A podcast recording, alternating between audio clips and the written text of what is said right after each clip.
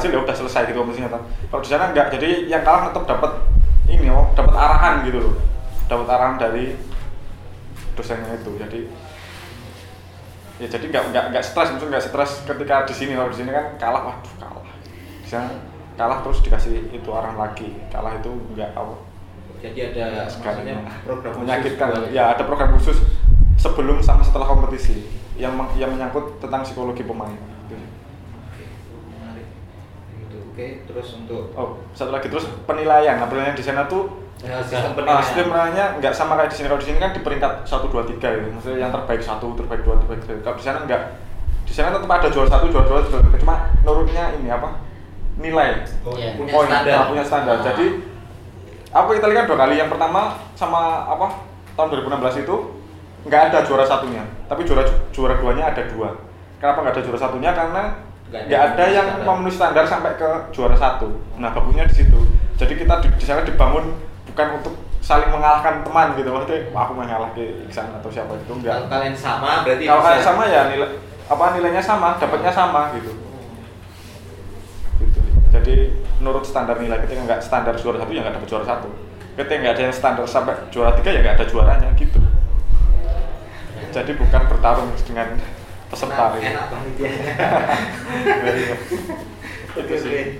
Menarik. Mungkin pertanyaan kedua mengenai kendala kendala ketika kalian di atas panggung pasti pernah mempunyai kendala entah itu blend dan sebagainya mungkin bisa diceritakan kendala yang paling susah untuk diatasi dan paling sering mungkin yang muncul ketika di atas panggung Yang jelas perbedaan suhu suhu iya Oh. suhu itu eh, apa ya sepele cuma itu kadang-kadang mematikan gitu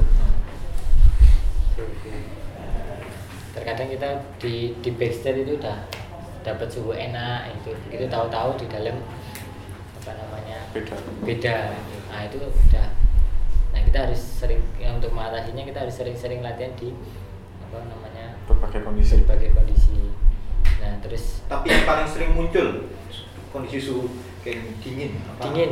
Dingin ya? dingin dingin dingin banget malah kadang-kadang nah yang menarik lagi pas waktu saya kompetisi di Altamira itu kompetisinya nggak boleh ditonton oleh orang lain. Ah, jadi cuma ada juri tok. Nah itu kan ruangannya besar cuma juri 8 sama satu besar 9 nah itu AC nya dingin menurut saya gitu loh. Hmm. tapi terbantu karena nggak ada suara berisik kadang-kadang kalau kalau kita kompetisi ditonton ada orang ngomong eh ini ya kita kayak gitu kita nge, apa kemungkinan blanknya itu lebih tinggi daripada ditonton hanya juri Gitu. kalau kalau saya yang sering tak temui itu adalah masalah suhu iya Robi Kalau saya dulu pernah suhu, tapi sekarang suhu udah nggak terlalu itu sih maksudnya udah nggak terlalu ngaruh. Tapi emang penting banget suhu. Dulu pernah pas ke Italia yang tahun 2016 itu suhunya dingin banget habis itu saya sampai bawa heater, heater itu penghangat. Tak bawa sampai ke tempat kompetisi terus apa? tak panggang tangan saya. Pernah itu kayak gitu. Jadi ya itu pasti bermanfaat. Kita harus apa? harus berlatih, membiasakan berlatih dalam berbagai kondisi dari yang dingin banget, dari yang sedang sampai yang panas. Yang panas juga keringetan keringetan berkeringatan ah, ya. licin terakhir kemarin Valio itu panas licin mainnya juga ngaruh banget terus blank blank itu juga kadang itu juga apa? Mem- menyakitkan ya blank itu. Kadang pernah kayak gitu jadi pas main terus dia adalah duk di sini ke mana? Blank Gitu. kalau cara mengatasinya sam- sampai sekarang itu kadang bisa kadang enggak tapi apa, ah, kadang bisa sih. Ketika kita timbul perasaan blank gitu kita harus apa pinter-pinter apa ya membangun pikiran. Jadi di situ ka- kadang mikir apa musiknya musiknya tuh misal ceritain tentang apa kan, kan harus tahu juga misal musiknya ceritain tentang apa kayak yang tak kira misal kayak tarian yang ada di Kuba jadi tak, tak bayangin aku sedang di Kuba terus tari. iya soalnya kalau enggak untuk membangun anu ya? Untuk membangun- lagi muncul lagi itu mau muncul lagi maksudnya muncul lagi pikiran yang tadinya ngeblank nggak karuan itu. Soalnya kalau udah ngeblank itu pikiran ke mana-mana tuh aduh ini ke mana musiknya nggak jadi terus posisi hilang wah parah banget itu. Jadinya ketika udah mau timbul blank itu merem terus bayangin sedang di Kuba atau sedang di belum pernah ke Kuba. Itulah. Intinya intinya ketika main sih mau membangun itu apa membangun pikiran. Jadi kita main pikiranmu harus bangun terus entah mikirin dinamik terus mikirin apa gitu. Udah tapi ah blank menarik banget. Hmm. Ket- ketika maksudnya Mas Isan mungkin Mas Isan pernah nggak blank ketika di atas panggung? Eh, kalau blank itu pernah pernah Pernah. blank. Skip sampai berapa birama juga pernah. Nah, menurut Mas Isan tuh faktor yang membuat blank itu apa sih? Kalau menurut saya faktor yang bikin sering kita blank itu karena kita belum 100% bahkan 1000% Hmm. menguasai bahan tersebut. Ah, Heeh, karena kita masih masih main itu masih terpikiran dengan omongan orang yang menonton kita gitu loh. Gitu loh. Contohnya? Contohnya misal kita saya pernah main sakon. Ah. nah main sakon itu yang nonton orang-orangnya udah pernah main sakon. Oh. nah itu kan pasti cek ini, ini mesti kau gini salah ini nah, iya sering Iya. gitu. Nah, jadi kita udah kepikiran itu dulu. Hmm. jadi di alam bawah sadar kita kita udah kebangun. Gini mesti aku main diomong ini aku mesti kok salah nih gini nah itu udah udah tertanam dari kita datang dari kita transit nah kayak gitu. Nah kalau saya mengatasinya saat ini yaitu tadi dengan latihan pelan sama membangun memori musikal nggak hanya sekedar memori finger ini. Jadi kan karena sekarang kita kebanyakan diajarin main ditekan terus kemudian kayak gini udah ngeplot tangannya. Nah Ah. itu ada baiknya ada buruknya juga kalau kita nggak nggak hafal musiknya atau nggak hafal melodinya kita hilang habis skip berapa birama baru ingat lagi tapi ketika kalau kita masih ada ingatan apa namanya melodinya atau akordnya kita bisa nembak berikutnya makanya dalam latihan itu tadi kita balik lagi pentingnya penguasaan akan harmoni itu tadi teori berarti Ya sama sama kayak gini. Eh, kita pernah nggak kalian di sini main band-bandan? Misal katakanlah job-joban kayak gitu. Kita apa namanya kan lebih minim lupa akor daripada kita main klasik lupa akor, ya enggak? Iya. Nah itu juga perlu dipelajari biar kita juga bisa mengantisipasi ketika blank di atas panggung itu. Hmm, anu ya apa maksudnya tingkat teori juga sangat Iya. mempengaruhi. persiapan sih yang paling penting ketika, ketika persiapannya udah matang eh, apa kecelakaan kecelakaan Iya, seperti itu bisa bakal bisa diminimalisir. jarang lah gitu saya pernah karena persiapannya jelek banget itu terus di belakang panggung itu mau maju udah lupa itu loh. Udah lupa dulu waduh posisinya di mana itu. Ya udah maju di atas ya lupa beneran terus lupa. Nah ketika dilalah maksudnya ketika kalian lupa ya udah harus cepat-cepat maksudnya cepat-cepat ambil keputusan mau diulang Skip. dari apa di frase sebelumnya atau mau skip langsung ke berikutnya gitu. Harus cepat kayak gitu.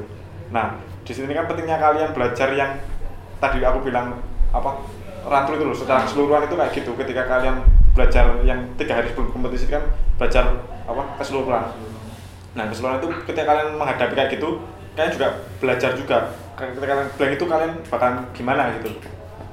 Jangan blank terus kelamaan mikir jangan kayak gitu. Jadi langsung kalau bisa tuh gimana caranya maksudnya kita sebagai pemain gitar itu juga harus pinter bohong pinter berbohong.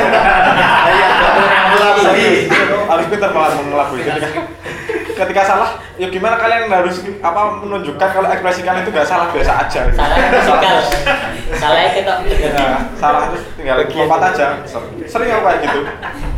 Salah terus wah salah ya biasa. Nah itu betul selalu biasa ada salah itu. kita kalian harus belajar bermain salah biasa itu. Harus pinter pinter bohong kayak gitu. Sama nambahin. Kalau kita konteksnya konser ya. Hmm. konser itu kita salah ya udah kita bawa enjoy aja. Hmm. tapi ketika kita kompetisi satu poin yang saya perlu tekankan ketika kita salah kita kita itu harus ikhlas Hmm. nah ikhlasnya itu Iya. yang susah So- soalnya soalnya kenapa Kan- iya soalnya, soalnya kalau kita salah kita nggak ikhlas itu kepikiran terus sampai Iya, akhir iya. sisanya kita habis. tapi kalau kita coba ikhlas kita melepaskan satu kesalahan insya Allah kita dapat yang Iya. lebih banyak kayak gitu kayak gitu. Kuncinya kalau salah ikhlas. kalau nggak ikhlas itu nanti sampai selesai Timbul lagi baru satu lagi. Waduh dua gitu. Waduh tiga. Waduh salah. Gitu ya ya. Ya Ya, jadi ikhlas belajar bohong sama belajar ikhlas. Itu penting banget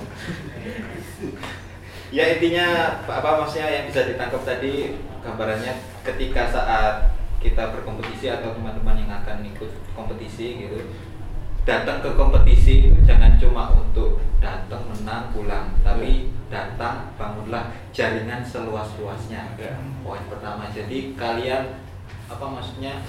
Di situ setelah kompetisi itu kalian punya teman baru punya link yang banyak Ya. banget. Entah itu apa maksudnya dapat rekomendasi dan sebagainya. Itu biasanya pas kompetisi itu pinter-pinternya kalian membangun jaringan di situ. Gitu. Yang pertama. Terus untuk yang kedua saat mengatasi masalah itu tadi poinnya ikhlas. Yes. nah tapi balik lagi persiapan itu sangat menentukan. Jadi kadang kita harus mempersiapkan 150% agar kita bisa bermain 100% di panggung itu jadi persiapan itu sangat penting sekali. Gitu oke. Mungkin ini langsung kita langsung ke masalah pasca kompetisi. Habis itu kita buka sesi diskusi lagi. Jadi biar nggak kelamaan. Oke, mungkin sedikit gambaran dari Mas Isan dan Mas Robi setelah kompetisi itu yang kalian lakukan apa sih? kalau aku setelah kompetisi selesai? Mm-mm, setelah kompetisi setelah selesai. kompetisi selesai pulang terus ya evaluasi. Maksudnya evaluasi misal hasilnya kalah kenapa bisa kalah? Gitu. Terus ya pelatihan lagi.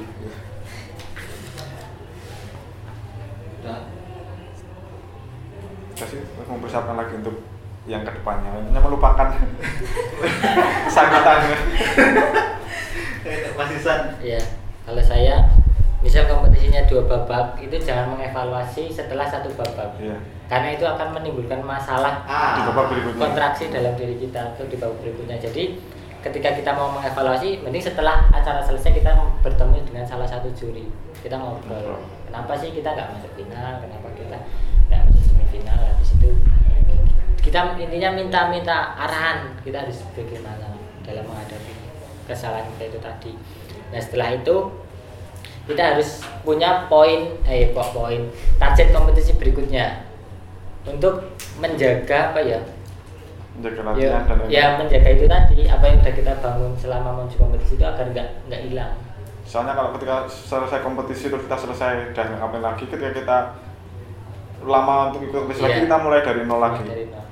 jadi mau nggak mau kalau ikut kompetisi ya yang ketika kalah ya udah dibangun lagi biar kompetisi berikutnya lebih maksimal lagi gitu.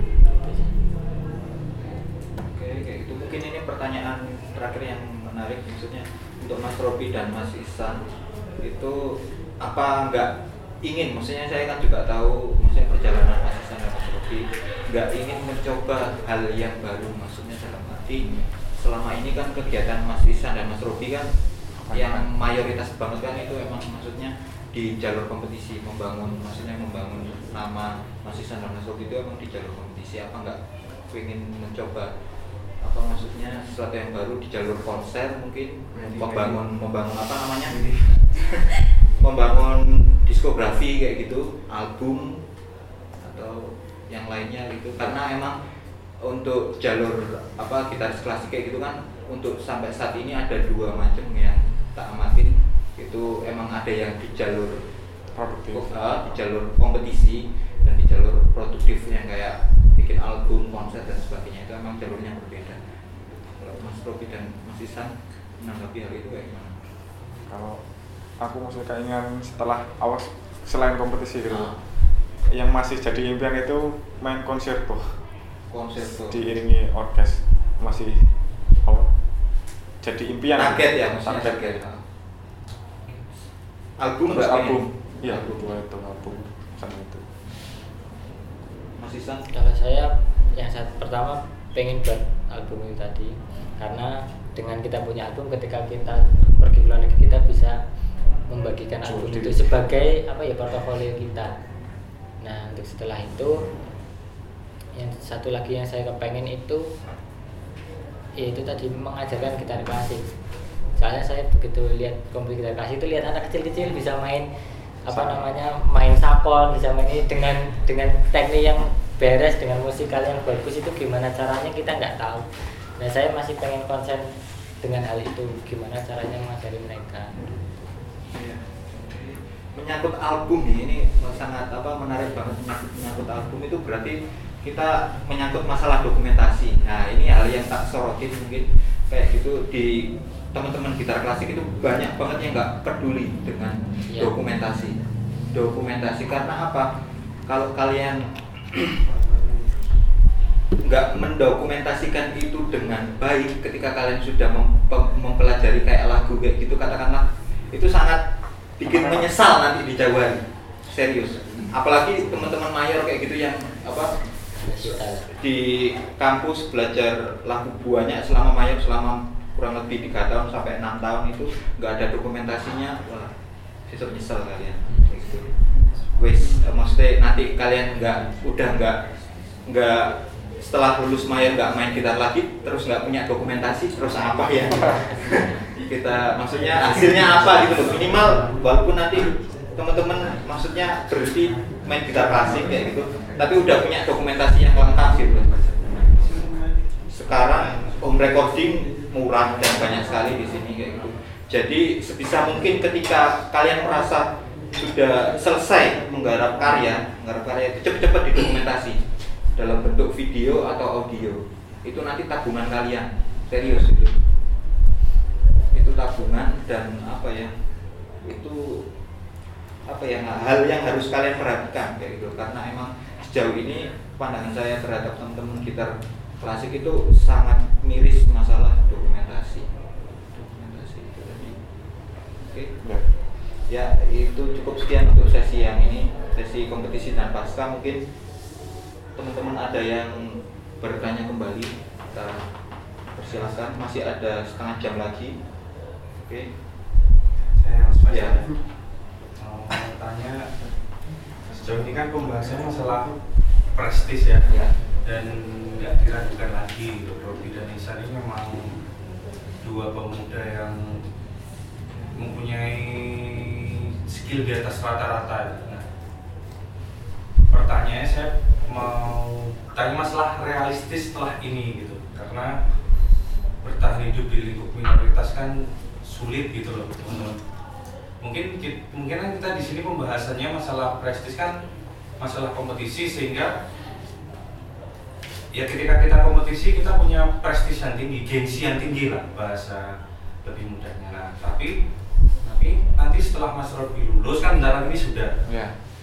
pendanaan dari kampus sudah pasti terputus gitu Ya. sehingga untuk mencapai luar negeri jauh lebih berat lagi nanti masalah administrasi nah apa yang mau diperbuat gitu loh maksudnya kita harus bertahan hidup ya dengan realitas yang ada gitu loh Hmm. jadi guru kan paling kan SPD kan kita Ya. kita sepakat nggak kalau kita akan jadi guru gitu baik itu di musik klasik atau atau di sekolah kan formal non formal kita tetap jadi guru kan. Ya. nah apa kiat-kiat apa yang bisa dibagikan kepada adik-adik tingkat di sini dari pengalaman Mas Robi dan Mas Isan pribadi atau dari senior senior kan kita sudah banyak tahu bahwa banyak senior yang memang pensiun dini itu di gitar klasik itu.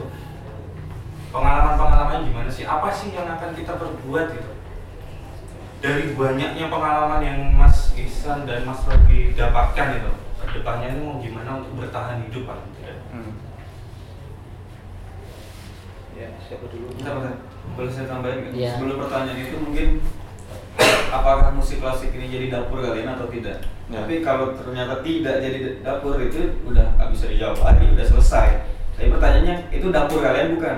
Maksudnya itu musik klasik atau musik ini nih dapur kalian atau kalian punya dapur lain gitu misalnya bisnis apa kopi atau gitu kan? Hmm. Ini tuh jadi hal kedua gitu. maksudnya yakin nggak Nah. musik klasik ini bisa Jadi menghidupi Ya, kita sendiri dan maaf istri dan anak nanti gitu loh maksud saya gitu silakan. Saya yakin sih mas, dan dapur saya sampai sekarang masih menjadi dapur saya itu. Dapurnya musik klasik. Iya. Nah, pertanyaan setelah ini mau apa? Ya ketika impian-impian saya udah apa, udah saya lalui di situ saya banyak dapat pengalaman dan ilmu. Ya tentu saya buat sekolah, buat sekolah gitar gitu aja. Sampai sekarang aja saya belum lulus udah punya ini kok apa maksudnya udah bisa menghidupi sendiri gitu dan alhamdulillah udah lebih lah gitu. jadi saya juga pernah sih dulu maksudnya pernah dibilang teman saya yang yang buat saya termotivasi sampai sekarang itu pernah pas saya latihan itu teman saya bilang latihan terus. Memang musik musik klasik itu sombong ini. Orangnya bilang kayak gitu dan tak itu kan. Buat ini tuh buat apa? gini tuh maksudnya buat banyak apa? Maksudnya apa musik klasik itu bisa buat iya. kalian buat makan, buat makan. Iya. Saya pernah dibilang kayak gitu. Ah, terus terus terus. Menarik ini. Lagi. Ah. kenapa kamu musik klasik bisa buat makan? Saya pernah dibilang kayak gitu iya tak buktikan. Nah sampai sekarang bukan bukan sombong maksudnya bersyukur saya banyak banget dapat dampak dari saya bermain gitar klasik sampai sekarang. Banyak banget dampaknya dari mulai apa masih lebih dikenal terus lebih apa gampang nyari kerjaan ngajar dan lain-lain. Ngajarnya pun bisa Bukan dikatakan nyari. bukan bukan nggak nyari malah saya malah belum belum nyari aja malah dapat dapat apa dap- malah dicari gitu. Terus masalah buat apa bisa buat makan nggak? Ya bisa banget buat makan sampai sekarang masih bisa gitu. Dan rencana saya ke depan ya tetap main musik klasik terus gitu. Maksudnya tetap mencari makan dari gitar terutama gitu. Kalau kalau saya saya punya idealis di gitar klasik tapi saya nggak menutup diri sebagai orang yang realistis. Nah eh, saya itu pengen maksudnya menjadi orang yang punya jabatan tinggi. Karena apa? Sekarang di di di Indonesia kan orang yang punya jabatan tinggi akan lebih mudah untuk melakukan maksudnya, maksudnya, maksudnya melakukan segala hal. Nah, maksudnya dalam konteks positif, ya kan? Nah, ketika semua gitaris di Indonesia itu jadi player dan nggak ada yang mencoba naik ke atas untuk Hmm. mengatur gitar klasik dari atas, Iya. kita akan bergerak di bawah Ya, terus. betul. Nah, makanya saya cita-cita saya idealis gitar klasik, tapi saya juga realistis. Jadi pengen jadi orang yang punya jabatan dengan tujuan apa? Bisa mengatur Perbaiki. teman-teman gitar klasik karena saya berangkat dari gitaris yang disponsori oleh orang lain dan saya punya impian suatu saat saya bisa mensponsori orang lain. Mantap. Gitu. Oke gini ya, jadi kan memang dapurnya gitar klasik gitu. Iya. Nah, dan bersyukur kalian berdua memang sudah berprestasi di situ sehingga kerjaan yang nyari kalian nanti gitu kan. Dengan CV kan banyak ya 18 siapa? Robi 18 kompetisi juara 12 kali, Isan 8 kompetisi juara berapa kali itu tadi? Saya lupa tadi ada di catatan saya kan otomatis kerjaan yang nyari kalian.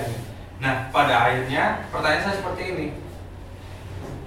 Bagaimana pandangan kalian dengan senior kalian atau ada di tingkat kalian yang nantinya tidak seberhasil kalian? gitu? Saran-saran untuk mereka apa? Kira-kira kalau mereka nggak bisa berhasil seperti kalian kan, otomatis mereka harus beradaptasi dengan lingkungan bukan bukan musik klasik loh maksud saya seperti itu.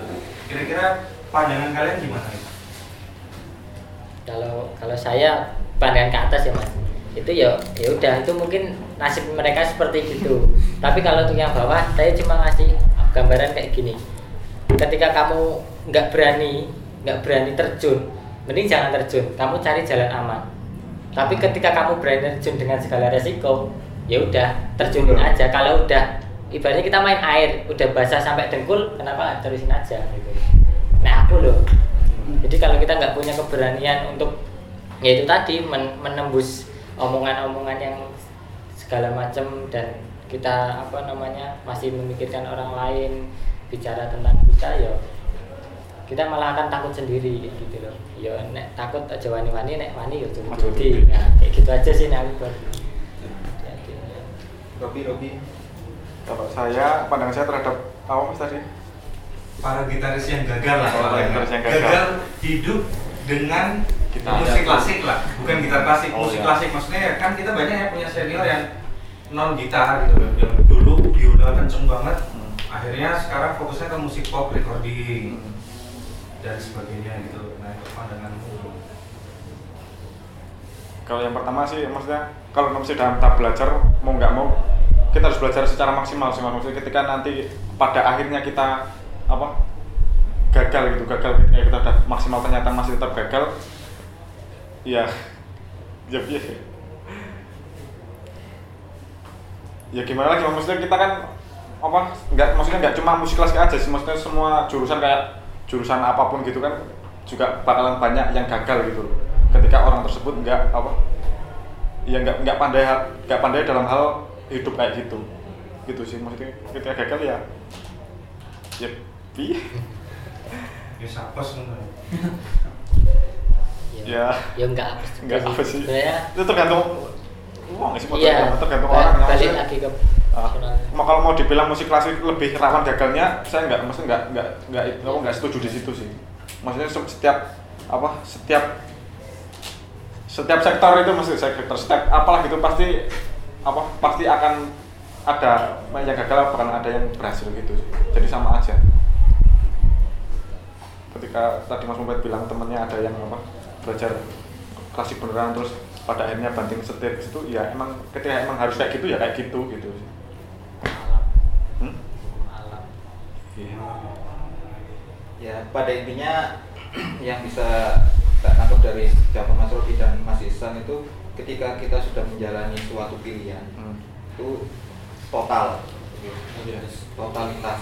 Totalitas emang karena atas dasar pertama tadi cinta. Kecintaan itu bisa menimbulkan keprihatinan maksudnya dalam kayak Mas Ihsan tadi.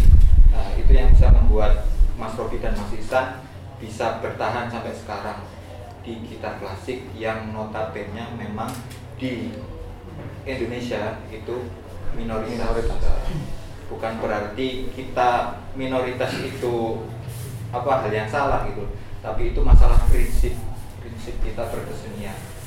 Entah di mana entah di punk entah di dangdut gitu. Kalau kalian cinta ya kalian jalani itu.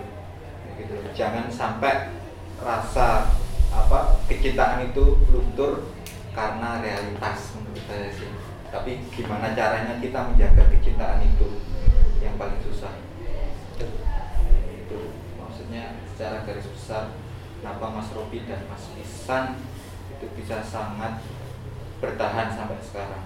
Dan mungkin salah satu faktor lagi itu karena pertemanan.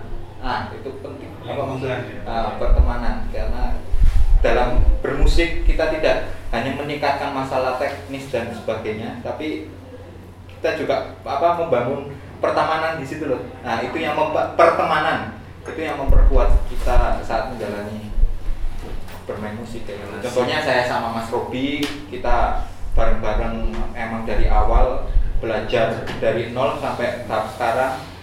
Itu juga masih berteman bertemannya karena musik juga. Nah, itu yang bisa membuat mungkin saya Mas Robi dan Mas Isan bisa bertahan sampai sekarang. Bermain gitar ya itu mungkin gambaran luasnya kayak gitu. Mungkin ada yang bertanya lagi masih ada sekitar 10 menit. Mungkin ada yang masih berundang nah ayo mau nanya masalah dokumentasi tadi. Ya. Ini kan kami yang masih baru-baru memulai Ah, interpelasi ini hmm. masih bingung mau mencari dokumentasi yang video awal-awal pas pertama terjun gitar klasik itu di mana sih progres yang pertama kali sampai sekarang itu kita belum tahu awal mainnya dari Mas Isan Mas Robi itu gimana. Kenapa sih maksudnya minim dokumentasi dari Mas Isan dan Mas Robi di di mana di media sosial mana gitu? Ya, balik tadi sebenarnya dinyatakan Mas Faisal bahwa dulu itu kita masih Itu tidak kesalahan. ya. kan? Oh, itu kesalahannya teman-teman kita maksudnya angkatan kita mungkin yang kayak Mas Mas Rofi Mas Isan sampai ya angkatan sekarang masih banyak yang apa miris masalah dokumentasi makanya mungkin Markus merasa kesusahan kan ketika mencari dokumentasi dari Mas Robi dan Mas Isan. Padahal Mas Robi dan Mas Isan udah memainkan banyak banget karya tapi nggak didokumentasikan kalau disuruh main sekarang pasti nggak lupa. Itu kan maksudnya sayang banget kan itu nah itu mungkin yang harus diperhatikan untuk teman-teman yang baru mengawali ini. Kuliah entah itu nanti ujian atau latihan usahakan apa misalnya ada dokumentasinya? Minimal itu dari handphone lah. Tapi handphonenya jangan Xiaomi soalnya kita kita kan bergelut, bergelutnya di suara kan. Suara jadi ya minimal Samsung itu suaranya bagus. Itu terlebih kalau ada rezeki ya HP-nya Epo ya itu kan lebih bagus lagi. Kalau ada kamera lebih baik lagi. Gitu.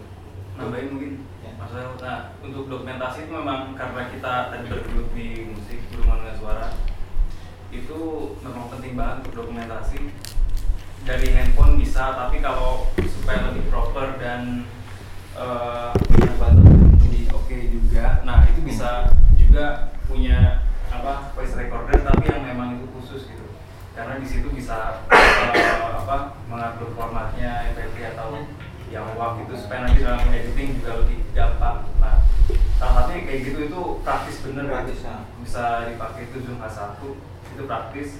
Terus kalau kita juga harus eh, perlu tahu lah paling nggak dasar-dasar untuk editing yang dasar aja. Paling nggak untuk mix antara audio dan video gitu. Itu sih paling palingnya yang paling nggak dokumentasi awal. Karena dari situ yang dari dasar nanti kita akan mulai untuk cari tahu cari tahu lagi dari oh ini kayaknya oh ini audio lebih bagus ya Ah. caranya. Gitu paling nggak tapi kalau untuk suara ya coba cari yang proper yang memang itu khusus untuk audio. Kalau tak saranin ada yang murah itu Sony Sony voice recorder itu tipe PC240 itu harganya nggak sampai 500 ribu. Kayak gini bentuknya. Lebih kecil lagi. Nah itu udah include 4 giga. Udah include 4 giga buat bisa ngerekam selama 46 jam dan itu nanti bisa dipindah ya, kalau udah habis kayak gitu. Itu harganya murah banget. Mungkin teman-teman maksudnya bisa beli kayak gitu daripada buat ngopang-ngopi ngopang-ngopi Iya. Nah, itu Sony PCX itu 240 murah harganya.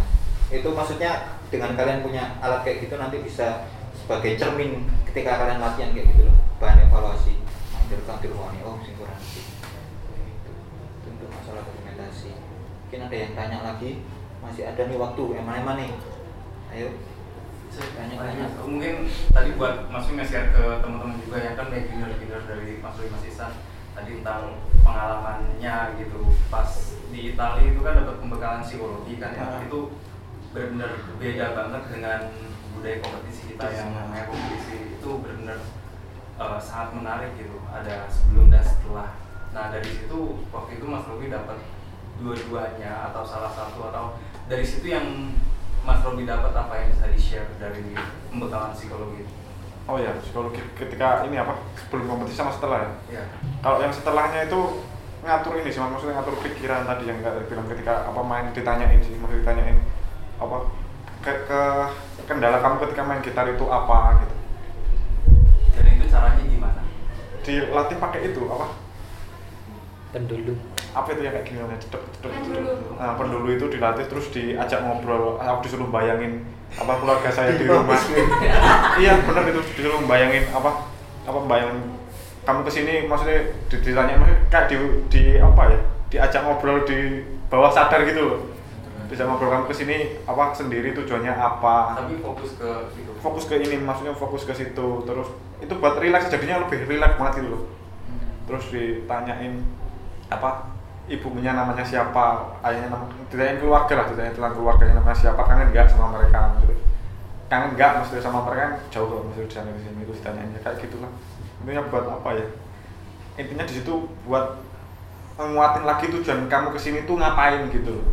Hmm, itu pasca kompetisi setelah Se- kompetisi. sebelum, Oh, itu sebelum. sebelum sebelum kompetisi itu tujuan maksud tujuan ke sini tuh untuk apa gitu loh. Membangun maksudnya semangat ya. membangun semangat di situ membangun biar lebih semangat lagi maksudnya tanyain lagi ibunya siapa bapaknya siapa terus kangen nggak sama emaknya dikangenin apa gitu. Tahu nggak nama teknik itu apa Aku gitu? Mungkin teman-teman bisa nanti mungkin cari di YouTube. aku kurang tahu tapi aku ada itunya apa ada ada kontak orang ada kontak itunya orangnya. Namanya dot dotor dotore Ambrosino. Cari aja di Facebook ada kalau mau maksudnya mau ngobrol lebih bisa dihubungi aja. Itu orangnya enakan kok itu nah itu pas kompetisi kan intinya aku dibangun tentang semangat untuk berkompetisi di situ semangat untuk apa belajar ketika master kelas dan lain-lain nah pasca kompetisinya ya ditanyain maksudnya apa perasaannya gimana ikut kompetisi di sini ditanyain intinya dia lebih menggali perasaanku setelah kompetisi itu gimana gitu terus diobatin biar nggak gimana nah Diobatin pakai apa? maksudnya diobatinnya maksudnya. Karena kan kalah kan kompetisi kan kalah. Maksudnya di situ ditanyain apa hasilnya gimana kalah? Kamu mendapat hasil kayak gitu perasaannya gimana? Ditanyain terus intinya kayak diperhatiin lagi gitu setelah kompetisi itu kayak ada orang yang memperhatikan. Maksudnya ada orang yang rangkul gitu rangkul nah, di situ jadinya kan aku nggak jadi ngerasa nggak sendiri gitu sampai terus dikasih maksudnya perhatian apa dikasih? Awal nomor pokoknya kalau nanti apa saya saya akan mengawal terus apa kegiatan musikmu se, se- Setelah ini. setelah ini maksudnya ke depan saya akan ngawal kamu terus ketika kamu ada masalah dalam apa karirmu bermusik maksudnya jangan ragu untuk hubungi saya gitu. jadi intinya disemangatin terus untuk ke depan gitu enggak setelah kompetisi kan kebanyakan ketika orang yang mentalnya jelek mau bukan jelek maksudnya, mentalnya belum jadi belum jadi itu kan setelah kompetisi kalah dan buruk. buruk nah itu fungsinya itu kayak gitu maksud fungsinya itu buat apa yang tetap memberi semangat untuk ke depan gitu itu secara personal ya? secara personal itu secara personal di aku malah diajak jalan-jalan muter Berapa jadi nggak nggak di kelas? Hah? ngobrol secara personal itu tiga jaman kayaknya Satu jam. orang? ah di- diajak ngubung jarang kayak gitu tiga jam dua lah dua sampai tiga gitu kirain itu Semua orang kayak di gitu. dalam ruangan terus hanya mungkin 20 menit atau Enggak. berapa ngobrol enggak ya? enggak menariknya makanya menariknya di situ jadi itu ada berapa orang itu yang yang kompetisi yang yang dapat eh, Semua peserta dapat. Semua peserta dapat? Tapi memang pesertanya kalau nggak salah pesertanya dibatasin ya? Hah? dibatasin kan? Perta- pesertanya emang cuma terbatas cuma 11 itu diambil dari apa? Beberapa gitu. Ya itu soalnya sangat menarik gitu ya. Kalau di Indonesia sendiri kan belum ada eh, Belum ada yang untuk orang yang katakanlah kalah gitu kan. Hmm. dan biasanya cuma sertifikat kan itu udah Iya, tentang gitu. Terus itu sendiri. sangat menarik di mungkin kapan-kapan mudah-mudahan bisa diterapkan. Terapkan ya bagus Terus banget. juga ya itu. Kalau untuk Mas Isan tadi tentang apa eh, untuk lagi-lagi untuk teman-teman juga junior yang mungkin akan mengikuti jejak Mas Isan, Mas Robi. Kan tadi kalau misalnya mau kompetisi itu biasanya kita benar-benar harus siap gitu 100% nah bagaimana cara Mas Isan itu mengukur kesiapan itu? Gitu sampai tahu itu benar-benar 100% atau belum? Mungkin teman-teman juga yang junior junior mau lomba "Eh, ini udah siap belum ya sebenarnya? Oh segini oh, udahlah hajar aja atau gimana? Kalau Mas Isan gimana cara mengukur? Kalau pertama yang saya ukur adalah tingkat kebersihan main. Karena dalam kompetisi bersih itu udah mutlak. Nggak Harus. harus wajib wajib main. Itu nggak nggak boleh digeser-geser. Main bersih tanpa luput. Nah main bersih tanpa luput itu suatu kewajiban dalam permainan gitar klasik. Nah setelah itu kita udah nggarap dinamik kita nggarap segala macam. Kita tahu kita siap enggaknya itu coba kita rekam. Rekam kita main tiga kali apakah hasilnya sama? Apakah ada perbedaan? Nah dari situ kita bisa tahu apakah kita siap atau enggak. Seperti itu. Terus mungkin mentoring. Nah. Lupa mentoring. Mentoring sebelum kompetisi itu sangat penting. Jadi dalam arti mentoring ini bukan kita bukan ketemu cuma satu orang katakanlah aku les dengan siapa gitu. Cuma intens dengan satu orang jangan minimal sebelum kompetisi tiga bulan atau dua bulan sebelum itu kita banyak-banyak ketemu orang. Maksudnya orang yang kita anggap itu pertama udah pernah bawain karya itu. Dan emang tingkatannya di atas kita gitu katakanlah kakak tingkat kita kayak gitu. Kita coba minta tolong dua atau tiga orang gitu. Minimal ada tiga orang lah nah, itu kita nanti konsultasi secara privat.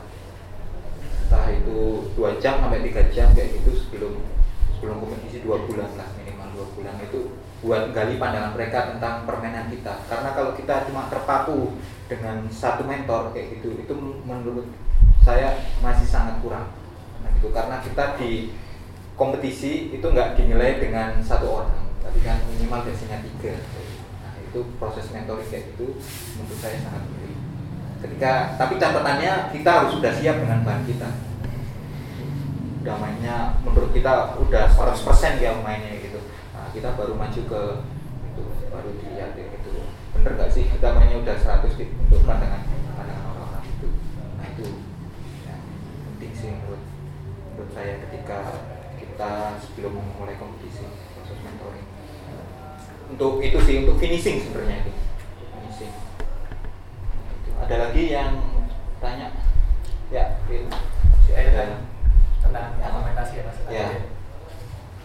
apa ketika kita mendokumentasikan itu terus kita misalnya nih kayak teman-teman sekarang kita punya banyak artis pop-popan gitu Heeh. terus kita punya lagu langsung di-share ke mana langsung jadi trending apakah kalau kita dengan dokumentasikan tersebut terus kita sebarin itu bisa jadi jalan untuk balikan dari minoritas jadi mayoritas Iya, bisa bisa jadi kalau memang kita di Indonesia karena minim minim banget yang gitaris klasik yang peduli akan dokumentasi. Kali katakanlah kita sekarang Tanya YouTube kan ya, di YouTube kan ya. Emang gitaris Indonesia siapa yang maksudnya secara berkala intens bikin video yang berkualitas loh ya. Kalau video cuma main pas kompetisi dan apa latihan gitu gitaris Indonesia di YouTube banyak banget. Tapi cobalah lirik tetangga sebelah kayak gitu. Negara-negara tetangga sebelah kayak Thailand dan sebagainya. Kalau Jepang, Korea udah beda tingkatannya untuk masalah dokumentasi. Ya memang dokumentasi sangat penting mulai apa maksudnya mulai mendisiplinkan masalah dokumentasi untuk sekarang ya maksudnya untuk teman-teman yang baru berangkat dari klasik terlebih nanti kalau udah punya bekal disiplin nah nanti baru kita ngomongin masalah kualitas dari dokumentasi itu. Jadi juga jangan sembarangan juga sih maksudnya untuk mengupload itu. Karena itu branding oh, maksudnya membranding membranding diri kalian sendiri gitu. Jadi hati-hati untuk mengupload video itu. Punya video banyak tapi kualitasnya jelek ya sama aja. Penting satu tapi benar-benar rapi. Nah, itu. Jadi maksudnya kalau itu dokumentasi latihan-latihan cukup kita simpan sendiri aja. Mas, nambahin. Ya. Ada satu hal yang terlewat oleh kita. Kita dari tadi berbicara mengenai strategi. Balik kita mau bareng kita bicara strategi, tapi kita nggak membicarakan senjata kita. ah iya nggak ada yang tanya ya nanti lali gitar Nah, nah Ah, mirisnya lagi di Indonesia itu gitar itu sebuah apa menjadi apa ya harganya itu mahal banget untuk mendapatkan sebuah gitar yang layak untuk terjun di dunia kompetisi. Nah, Em, kita harus menyadari bahwa misal kita punya gitar harga range eh, 9 sampai 12 jutaan. Itu mungkin sudah harga yang mahal bagi kita. Nah, tugas kita adalah jangan jangan apa ya menyesali aduh aku duwe gede gitu aku kudu nah, kita nggak akan maksudnya kalau kita kayak gitu kita akan konsen di situ terus tapi kita harus gimana coba eh, mensyukuri hal tersebut caranya gimana banyak salah satunya itu adalah menjalin keintiman kita dengan gitar. Gitar itu ibaratnya udah kayak instrumen tiup udah harus menjadi instrumen yang personal nggak bisa diganggu juga nggak boleh dipinjam-pinjam nggak boleh di apa namanya di- dipakai berjamaah itu nggak boleh. Nah karena apa? Dengan kita bisa memahami gitar tersebut kita kan satu bisa menentukan senar yang cocok untuk gitar tersebut. Dengan gitar misal gitar merek A ketemu senar merek B. Nggak belum nggak mesti cocok. Nah kalau kita menemukan setelan senar yang cocok pasti akan sedikit meng-up kualitas gitar kita. Nah setelah itu bisa ditunjang lagi dengan cara posisi kita memegang gitar itu bagaimana. Dan setelah itu masalah tune itu juga harus dikoreksi. Untuk untuk menunjang gitar kita tadi yang yang dikatakan harganya 12 juta menurut kita masih mahal. Tapi kita jika mengacu ke kompetisi kayak misal katakanlah kompetisi Mas Robi di Klaksika, saya Altamira Hongkong harga 300 sampai 500 juta itu ya itu bentuknya gitar kayak gitu loh kalau kita mungkin di pola pikir dibawa ke sini mungkin bagi saya sendiri itu itu nggak nalar itu gitar apa? Harganya segitu itu mending tak beliin rumah tak investasi buat apa gitu. Nah makanya kita perlu itu menabung atau cari sponsor. Nah untuk mendapatkan sponsor kan kita caranya itu tadi balik lagi. Harus dengan portofolio yang bagus dengan CV dengan pengalaman. Siapa tahu suatu saat ada orang yang senang gitar klasik mau ngasih kamu gitar untuk kompetisi. Selain dari nabung dan kayak gitu untuk mendapatkan gitar bagus juga apa menang kompetisi. latihan yang benar nanti menang kompetisi dapat gitar bagus. Ya mungkin terakhir untuk menutup mungkin karena Mas Robi dan Mas Isan bawa gitar mungkin bisa ngasih tips. Maksudnya khusus yang apa istilahnya yang selalu apa katakanlah teknik dasar ya untuk apa warming up itu yang selalu Mas Robi dan Mas Isan mainkan gitu. Jadi andalan itu apa sih? Gitu. Mungkin salah. Ya sedikit lah memang. Ini kan kebetulan banyak teman-teman yang baru main gitar tuh. Jadi mau tuh tuh Yang 300 itu coba tiga ratus. Ribu Dolar tapi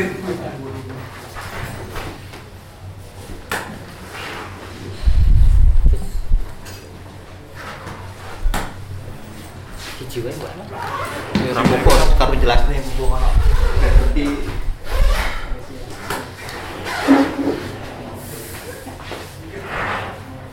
Nah, Mas Robi bisa dijelasin ini gitarnya apa kayunya kayu apa semon atau apa ya ini gitar apa Sanggil Kim dari Korea saya dapat ketika apa Southeast Asia sama ini kalinya spruce solid backnya rosewood solid udah ya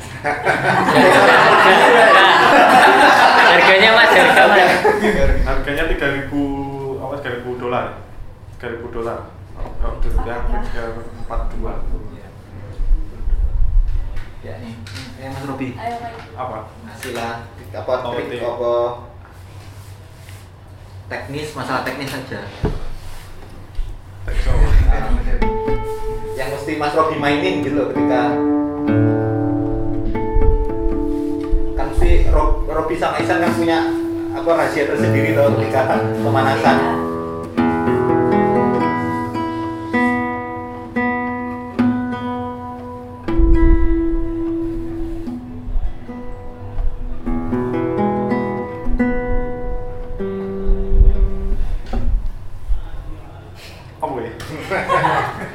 Ada pertanyaan mungkin maksudnya apa gitu warming up-nya itu warming ah kalau warming kalau up. barangnya sih apa biasa kromatik kromatik bisa kromatik kayak gini pakai apa metronom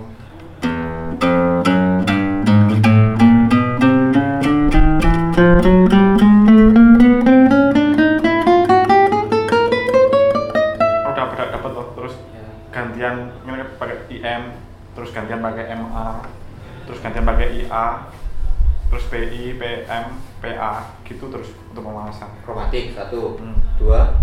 Terus full mesti? Mesti wajib ya mesti wajib Mas Robi ketika mesti. ketika latihan harus main kayak gitu. Hmm. terus bari ini terus. Apa sih arpeggio kan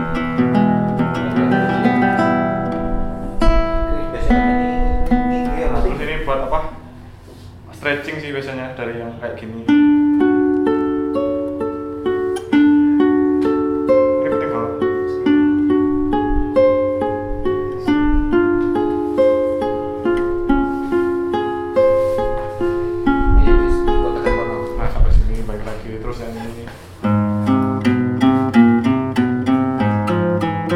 nah buat apa? Oke, buat apa? Bisa buat independen jari tadi ketika ada jari yang emang harus netek nekan kayak gini terus ininya gerak nah latihannya kayak gini.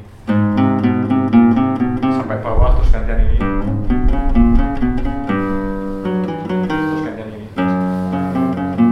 Penting banget terus ini. Itu sih terus. Kromatik, slur, ah, terus ar- arpeggio. Hmm. Ini wajib ya sama. Sama ini sama stretching stretching.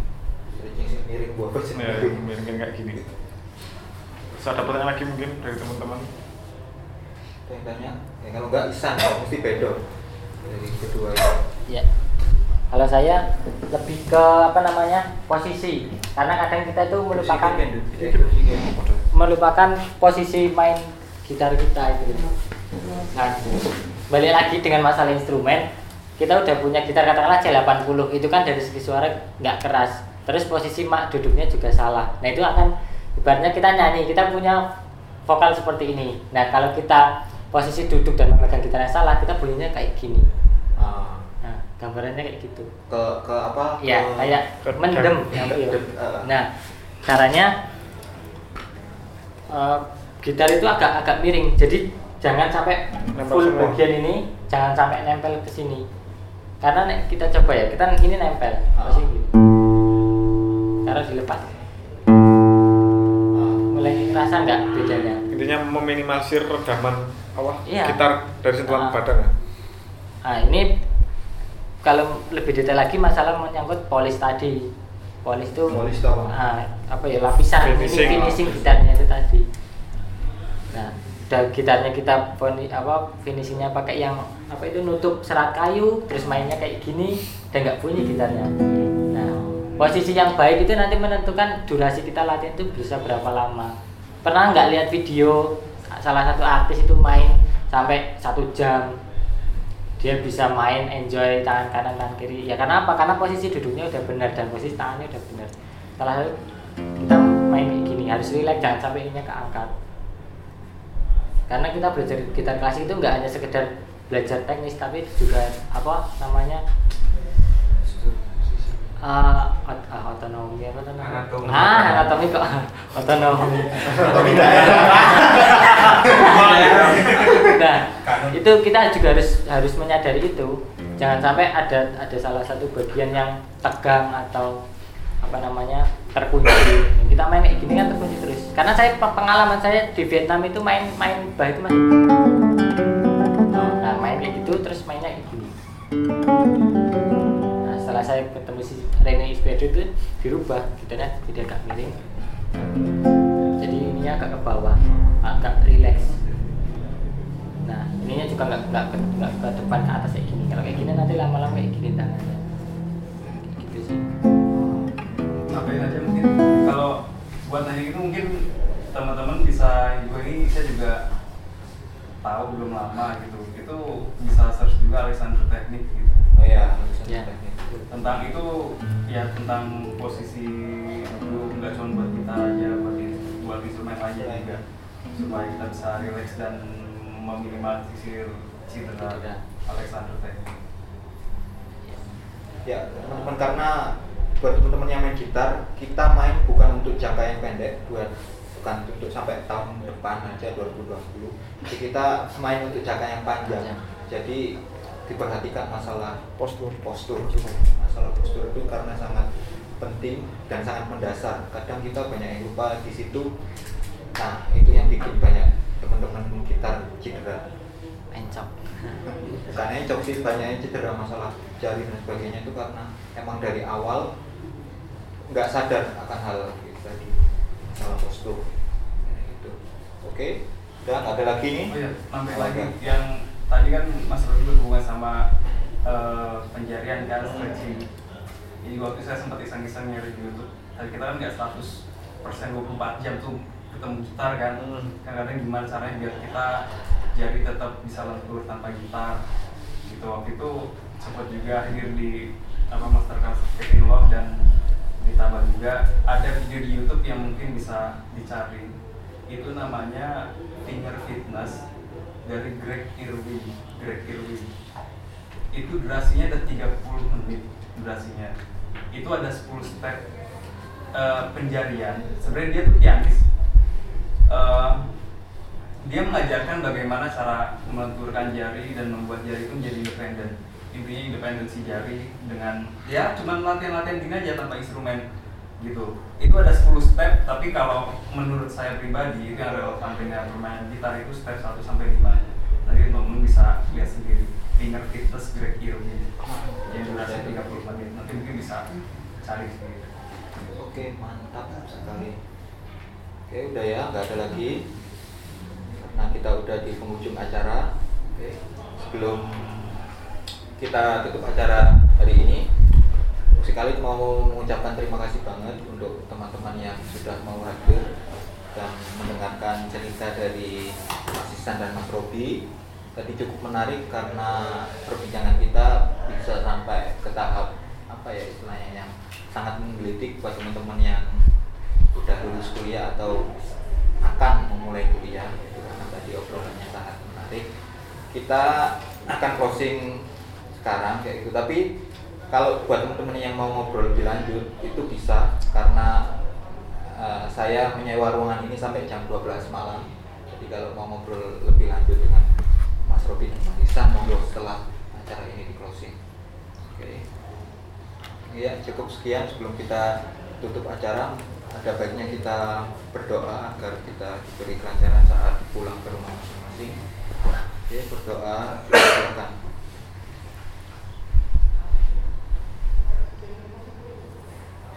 uh, selesai ya. mungkin bisa minta foto bareng sama belum kita pulang yuk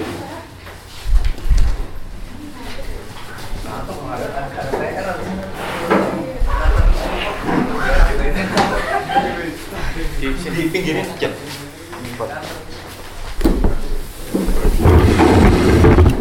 Hai.